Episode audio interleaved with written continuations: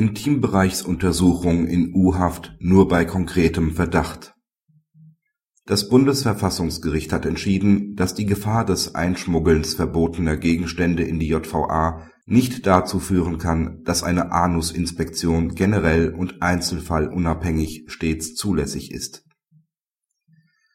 Der Beschwerdeführer war wegen des Verdachts der Untreue und der Bestechlichkeit in Untersuchungshaft verbracht worden Dort musste er sich bei der Aufnahme entkleiden und sich durch Justizvollzugsbeamte im Intimbereich untersuchen lassen.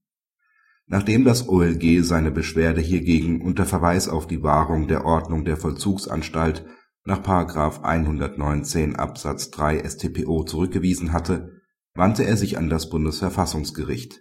Dort war seine Verfassungsbeschwerde erfolgreich. Das Bundesverfassungsgericht sah die Verhältnismäßigkeit als nicht gegeben und bejahte daher einen verfassungswidrigen Eingriff in das Persönlichkeitsrecht des Beschwerdeführers.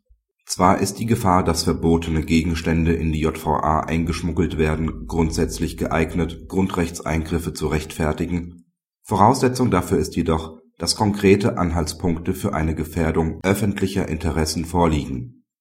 Da Intimuntersuchungen zudem einen Grundrechtseingriff von besonderer Schwere darstellen können sie nicht generell und einzelfallunabhängig zulässig sein.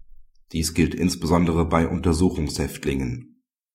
Hier ist bei der Verhältnismäßigkeitsprüfung auch zu berücksichtigen, dass die Untersuchungshaft nicht zu Strafzwecken, sondern auf der Grundlage bloßen Verdachts verhängt wird, so dass den Belangen des Gefangenen besonderes Gewicht zukommt.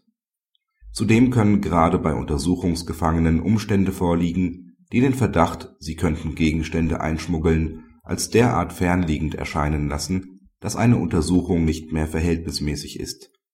Dies gilt etwa dann, wenn die Verhaftung für den Gefangenen überraschend erfolgte, so dass er gar nicht die Möglichkeit hatte, sich für ein Einschmuggeln entsprechend zu präparieren.